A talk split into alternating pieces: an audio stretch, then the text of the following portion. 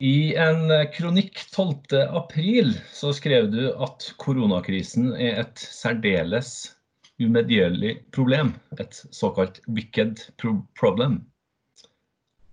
Er det fortsatt det, Per Morten Schæflo?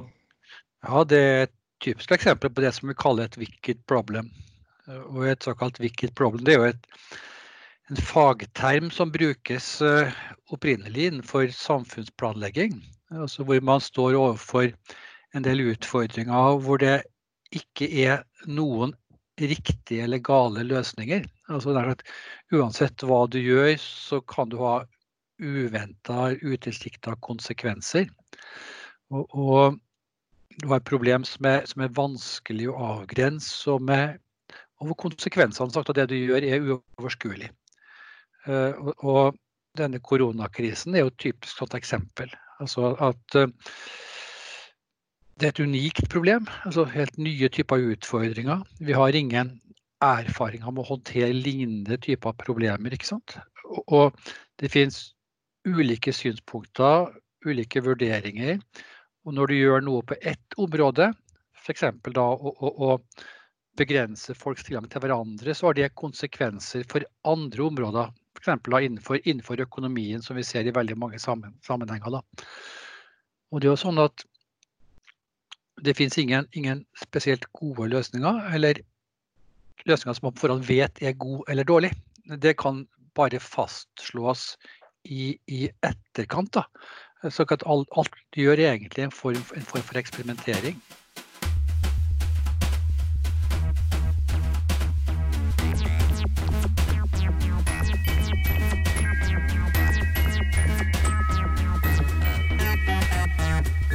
Forskerpodden er altså tilbake etter en 15 eh, uker lang eh, pappaperm, og er endelig i gang med nye podkastepisoder. De eh, første episodene den våren her skal handle om det alle er opptatt av for tida, korona. Og hvordan kriser kan knyttes til arbeidet til våre forskere ved NTNU samfunnsforskning. I dag handler Forskerpodden om samfunnssikkerhet og beredskap. Navnet mitt er Vegard Smevold, og Forskerpodden er NTNU Samfunnsforsknings egen podkast. Akkurat denne gangen sendt hjemmefra. Jeg har med meg Per Morten Schæflo, som er seniorforsker ved NTNU Samfunnsforskning og professor emeritus i sosiologi. Egentlig helt uavhengig av at du er noen år eldre enn meg, Per Morten. Eh, du kan jo likevel ha det litt i bakhodet når du svarer, hvis du vil. Eh, hvis noen på nyttårsaften i fjor hadde fortalt deg at vi i 2020, eh, hele den vestlige verden, kom til å bli ramma av en pandemi, hva hadde du tenkt da? Jeg ville sagt at eh, det er et sannsynlig scenario. Altså det å, I sånn risikoforskning så snakker vi ofte om en svart svane. Og Uttrykket svart svane det er om et fenomen som dukker opp og som er helt utenkelig. Den eh, opprinnelige boka har undertittelen 'The Impact of the Highly Improbable'. Altså konsekvensen av det som er helt usannsynlig. Og noen har sagt at denne koronakrisen er en svart svane, men den er ingen svart svane. Fordi at dette er en kjent utfordring. Altså at det kun oppstår en pandemi. Det har vært pandemier før. altså Den mest sam enkle å sammenligne med er spanskesyken. Som ikke, ikke, kom fra Spania, men som ble kalt spanskesyken på slutten av, av første verdenskrig. Og som tok livet av mange mange millioner mennesker. Eh, og som nok ligner litt på denne koronaen. Eh, som ville også kunne fått lignende typer konsekvenser hvis man ikke hadde kunnet gjort noe med det. Eh, men hvis man hvis, altså DSB, Direktoratet for samfunnssikkerhet og beredskap, de lager jo hvert år en sånn risikovurdering for det norske samfunnet. Og Der ser de på mulige konsekvenser og sannsynlighet. Og hva, kommer, hva står det øverst på DSBs liste når du kombinerer sannsynlighet og konsekvens, jo nettopp pandemi. Så, så, at det kan inntreffe pandemier, har vært relativt sannsynlig og, og, og, relativt kjent. Man hadde jo et tilløp for en ca. 15 år siden, med SARS-epidemien, men som da ble stoppa i, i, starten. Som hadde noe av det samme, den samme opprinnelsen som det viruset som vi nå står overfor. Nei, mm. så, så, så det er et kjent problem. Så, så du er ikke, ikke så overraska? Ikke så overraska, men det som du ikke kunne forutsi, var hvilke konsekvenser dette kunne få. Fordi at én ting er nå, et virus, men så er det responsen på det. Altså, og, og, hvordan det håndteres i ulike land, og, og, hvilke effekter det har.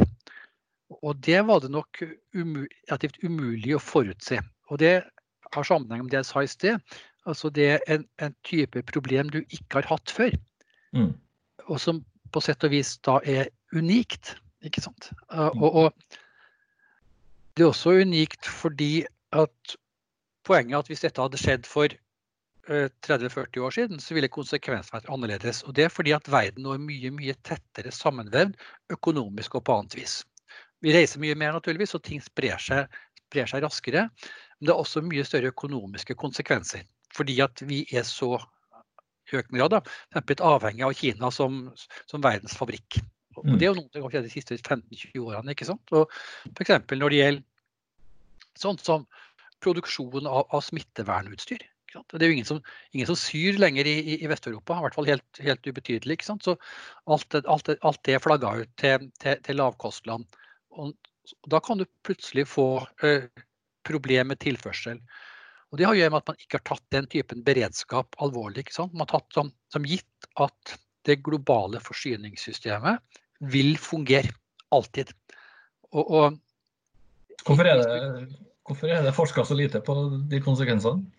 Nei, altså det kan si at vi vet jo om det. Altså Vi som jobber med samfunnssikkerhet har jo snakka om dette lenge. Altså F.eks. At, at vi snakker ofte om kritiske infrastrukturer. Altså at vann skal fungere, og strøm og telefon og sånne ting. Og noen av oss har jo noen år snakka om at f.eks. Eh, medisinforsyning er en kritisk infrastruktur. Fordi man har f.eks. flagga ut nesten all produksjon av antibiotika til India og Kina. Sånn at, og, og, og, dette er jo en sånn en konsekvens av en, en knallhard kapitalistisk logikk. Altså hvor, hvor, hvor, det å redusere produksjonskostnadene har vært det overordna prinsippet for all organisering. Og, og, så har man redusert produksjonskostnader ved å flytte produksjonen til, til lavkostland, eh, som kan produsere effektivt og billig, litt billigere enn vi kan gjøre her. Og så er det kobla til at transport har vært nesten gratis. Det koster nesten ingenting å sende en container fra Kina til Norge. Og, og, og dermed så får du disse veldig sårbare globale kjedene. Og, og det fører til at ting blir billigere. Og det, så lenge det funker, så er jo det der utmerket. ikke sant? Mm. Eh, men så får du da det problemet når det skjer forstyrrelser i dette systemet, at sårbarheten avdekkes. Mm. Og, så har du og så ser vi det som er litt, litt, litt paradoksalt, er at når det gjelder samfunnssikkerhet på dette området, så har man i veldig liten grad skaffa seg redundans, altså ekstrakapasitet. Eh, hvis du går til Jeg skal forklare hva det er for de som ikke vet det. Eh, hvis du går på, på, på sykehuset, og strømmen går, hva skjer da? Jo, da kobles de lokale generatorene inn og skaper, strøm. Sånn. De har en, et reservesystem. Eh, hvis du går til en bilfabrikk, som da har masse underleverandører, så vil de fleste bilfabrikker ha minst to underleverandører for samme type produkt i forskjellige land. Slik at Hvis det blir krise i ett land, f.eks. streik eller jordskjelv, eller sånne ting, så har de en alternativ kanal for den typen komponenter. Og Det har man ikke sikra seg på samfunnsnivå. Så ikke sikra det alternative kilder for f.eks. antibiotika, eh, respiratorer, eh, smittevernutstyr eller andre ting. Og da øker sårbarheten. Mm. Og så er dette skrudd til ytterligere eh, som en konsekvens av at man bl.a. i helsevesenet har innført eh, det som kalles, de kaller lean-prinsipper. Som går ut på at du skal ha minst mulig kapitalbinding. Dvs. Si at du skal ha minst mulig lager av, av det meste. og, og sikre, fordi at du alltid kan bestille, og så får du det etter ei uke. ikke sant? Så da trenger du ikke å, binde kapital ved å ha f.eks. smittevernutstyr på lager. Vi har et sånn et utdanningskurs eh, for i et organisasjon og ledelse. Og, og hadde en, en, vi hadde en, en samtale med en, en, deltaker der for noen dager siden som jobber på en avdeling på St. Olav. Og, og, og, hun fortalte at rett før og De har da et lite lager av det forbruksmateriellet de skal, ha. Og Rett før denne krisa så hadde de fått en sentral, beskjed sentralt om at de skulle redusere det lageret ytterligere. Så istedenfor å for 14 dager, skulle de ha for tre dager for ei uke.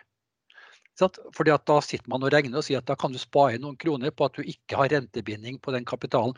Vi har smittevernfrakker for mer enn 14 dager, sant? eller for ei uke eller, eller, en måned. Og Disse tingene slår sammen. Altså, altså, tiltroen til disse globale forsyningskjedene, pluss at du skrur til med denne her lean-problematikken i offentlig sektor, gjør at du nesten ikke har reservekapasitet. Så vi har rigga oss egentlig sånn at vi tåler det dårligere i dag da, enn ja. for 20-30 år siden? Og ja, altså vi har bedre utstyr, da, men, men, klart at vi, vi, er sånn sett er vi mye dårligere rusta til å håndtere forstyrrelser i de globale forsynings- og produksjonskjedene. Fordi at du er avhengig av ting som produseres på den andre sida av jorda. Og, og, og, ofte bare av én leverandør eller ett land, som da i økende grad er Kina. Mm. Har fagfolk vært uh, flinke nok til å rope et varsku om det her da, på forhånd? Ja, det, man, det, er vanskelig å si. men Du kan jo rope i skogen, vet du, så får du ikke noe svar. Men, men altså, ja, dette, dette, er jo kjente fenomener. Hvis du går til f.eks. til DSB, så vet jo de dette her. Ja, men, men så, så, så, møter du budsjettlogikken ikke sant, og det andre ting. og eh, det, det, er også sånn at, at det å investere i ekstrakapasitet og lager og sikkerhet, det koster penger, ikke sant? Og så er det sånn at hvis ingenting skjer, så er på en måte de pengene bortkasta. Og du, du får ingen, ingen, ingen, politisk uttelling for det. Altså, det er ingen politiker før valget kom, er å se på vårt lager av smittevernutstyr. Hvor flott det er, ikke sant? De gjør mm. ikke det. Altså, en god venn av meg som jobba i, i, i, staten, han sa en gang ingen politikere blir gjenvalgt fordi taket ikke lekker. Altså at, og, og, det er på dette området også. Hvis ingenting skjer, så er det på en måte bortkasta penger. ikke sant? Så alternativet er å se på det som en type forsikring. Mm. Altså, altså når, når, du ikke brenner huset ditt, så er på en måte forsikringspengene bortkasta.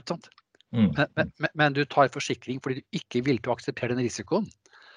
Da er det litt paradoksalt hvor mye risiko du er villig til å akseptere på samfunnsnivå, eh, som vi ikke er villige til å akseptere privat. Så, så, så, så det, det, det, er interessant, det er noe interessant her, altså. Mm.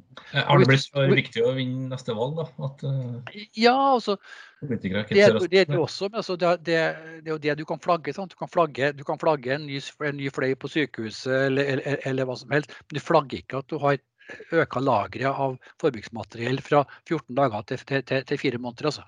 Så, så, så, det, er sånn, det, er en sånn, knallhard logikk som jeg, jeg, tror den slår, jeg tror den slår sterkere ut i offentlig sektor enn i privat sektor. Og det er fordi at hvis du driver i en fabrikk f.eks., så vet du at hvis det stopper opp, så går du konk. Du taper masse penger.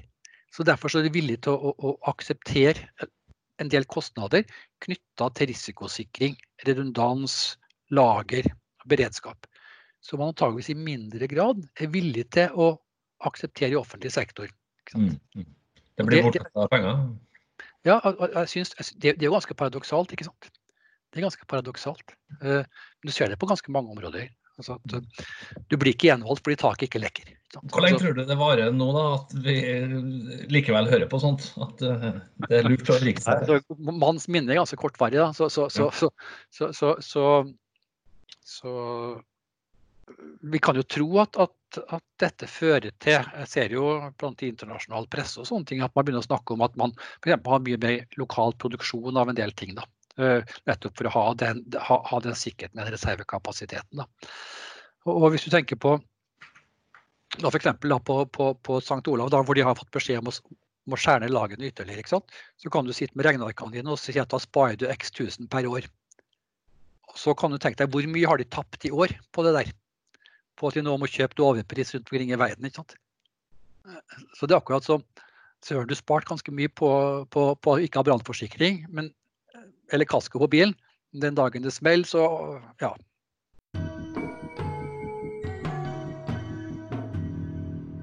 Du snakka innledningsvis her om at det er et problem som eh, vi håndterer eh, faktisk med eksperimenter.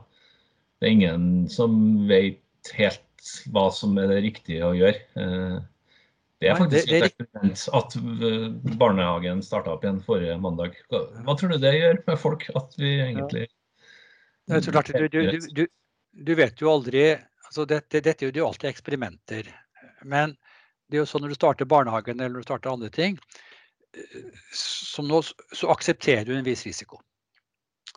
Men du aksepterer alltid en viss risiko. Altså, hvis du spør f.eks. barn, foreldre som sier vi vil ikke sende våre barn i barnehagen fordi det er risikofylt. Nei, det er klart, det, sjansen for smitte er større enn null. Så kan du spørre de samme foreldrene hender det at du tar med deg barna ut på biltur. Hva er sannsynligheten for at du kommer opp i en ulykke? Mm, mm. Den er større enn null, sant? Mm. Antagelig. Men, men altså, det, det, vi vet fra sånn ø, sikkerhets- eller forskning omkring om dette, her, er at mennesker er i mye større grad villige til å akseptere en risiko hvis de føler at de selv har kontroll over den. F.eks. bilkjøring. Mens de er mye mindre villige til å akseptere en risiko de ikke har kontroll over, f.eks. smitte av korona. Selv om sannsynligheten for at barnet ditt blir skadd hvis du kjører for en tur til Stjørdal, er større enn å sette ungen i barnehagen. Mm, mm. Så, så, så, og vi har alltid en viss type risikotoleranse. Risikoen er aldri null så lenge du beveger deg ut, ut, utom huset. Sant? Du kan bli nedkjørt, du kan bli rana, du kan bli sant? Men folk flest tror kanskje de er bedre sjåfører enn det de Ja, og, du, og det, du aksepterer mye større risiko hvis du tror at du kan styre risikoen selv. Eller, eller påvirke utfallet selv. Mm. Eh, du har også skrevet om noe som kalles uh, super wicked problem. Ja, det er jo et, det er jo den pandemien her uh, helt opp til super? Ja, Det er en utvidelse av, av det begrepet. For det begrepet hvilke problems ble introdusert i forhold til samfunnsplanlegging særlig. Uh, og det kom på det ble første gang formulert i 1973 ca. Så er dette brukt en del, da, særlig innenfor planleggingsproblematikk og risikoproblematikk. Og så Eh, var det noen for noen år siden som sa at det finnes også noen problem som de kaller måte, er ekstremt eller særdeles umedgjørlig eller super-wicked problem. Og de har noen tilleggsegenskaper. Altså, de er ikke begrensa verken i tid eller rom. De har, du har korte tidshorisonter. Det haster å løse dem. Time is running out. Og så er det ingen klare skiller mellom årsaker og løsninger.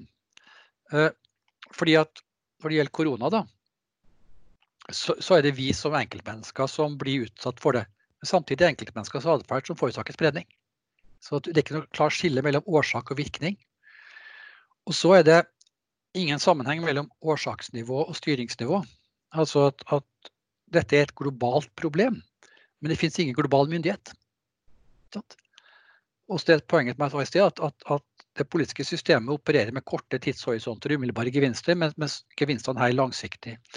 Og det Begrepet superwicked, eller særdeles umedgjørlig, det ble formulert i forhold til klimautfordringer. Som har akkurat disse egenskapene. ikke sant? Time is running out. Mm. Det er et globalt problem, men ingen global myndighet. Eh, det rammer individer og altså naturen, og det er individenes atferd som forårsaker problemet. Og det politiske systemet innretta mot kortsiktige gevinster og aksepterer langsiktig usikkerhet. Og, og dette koronaproblemet er, har akkurat disse egenskapene.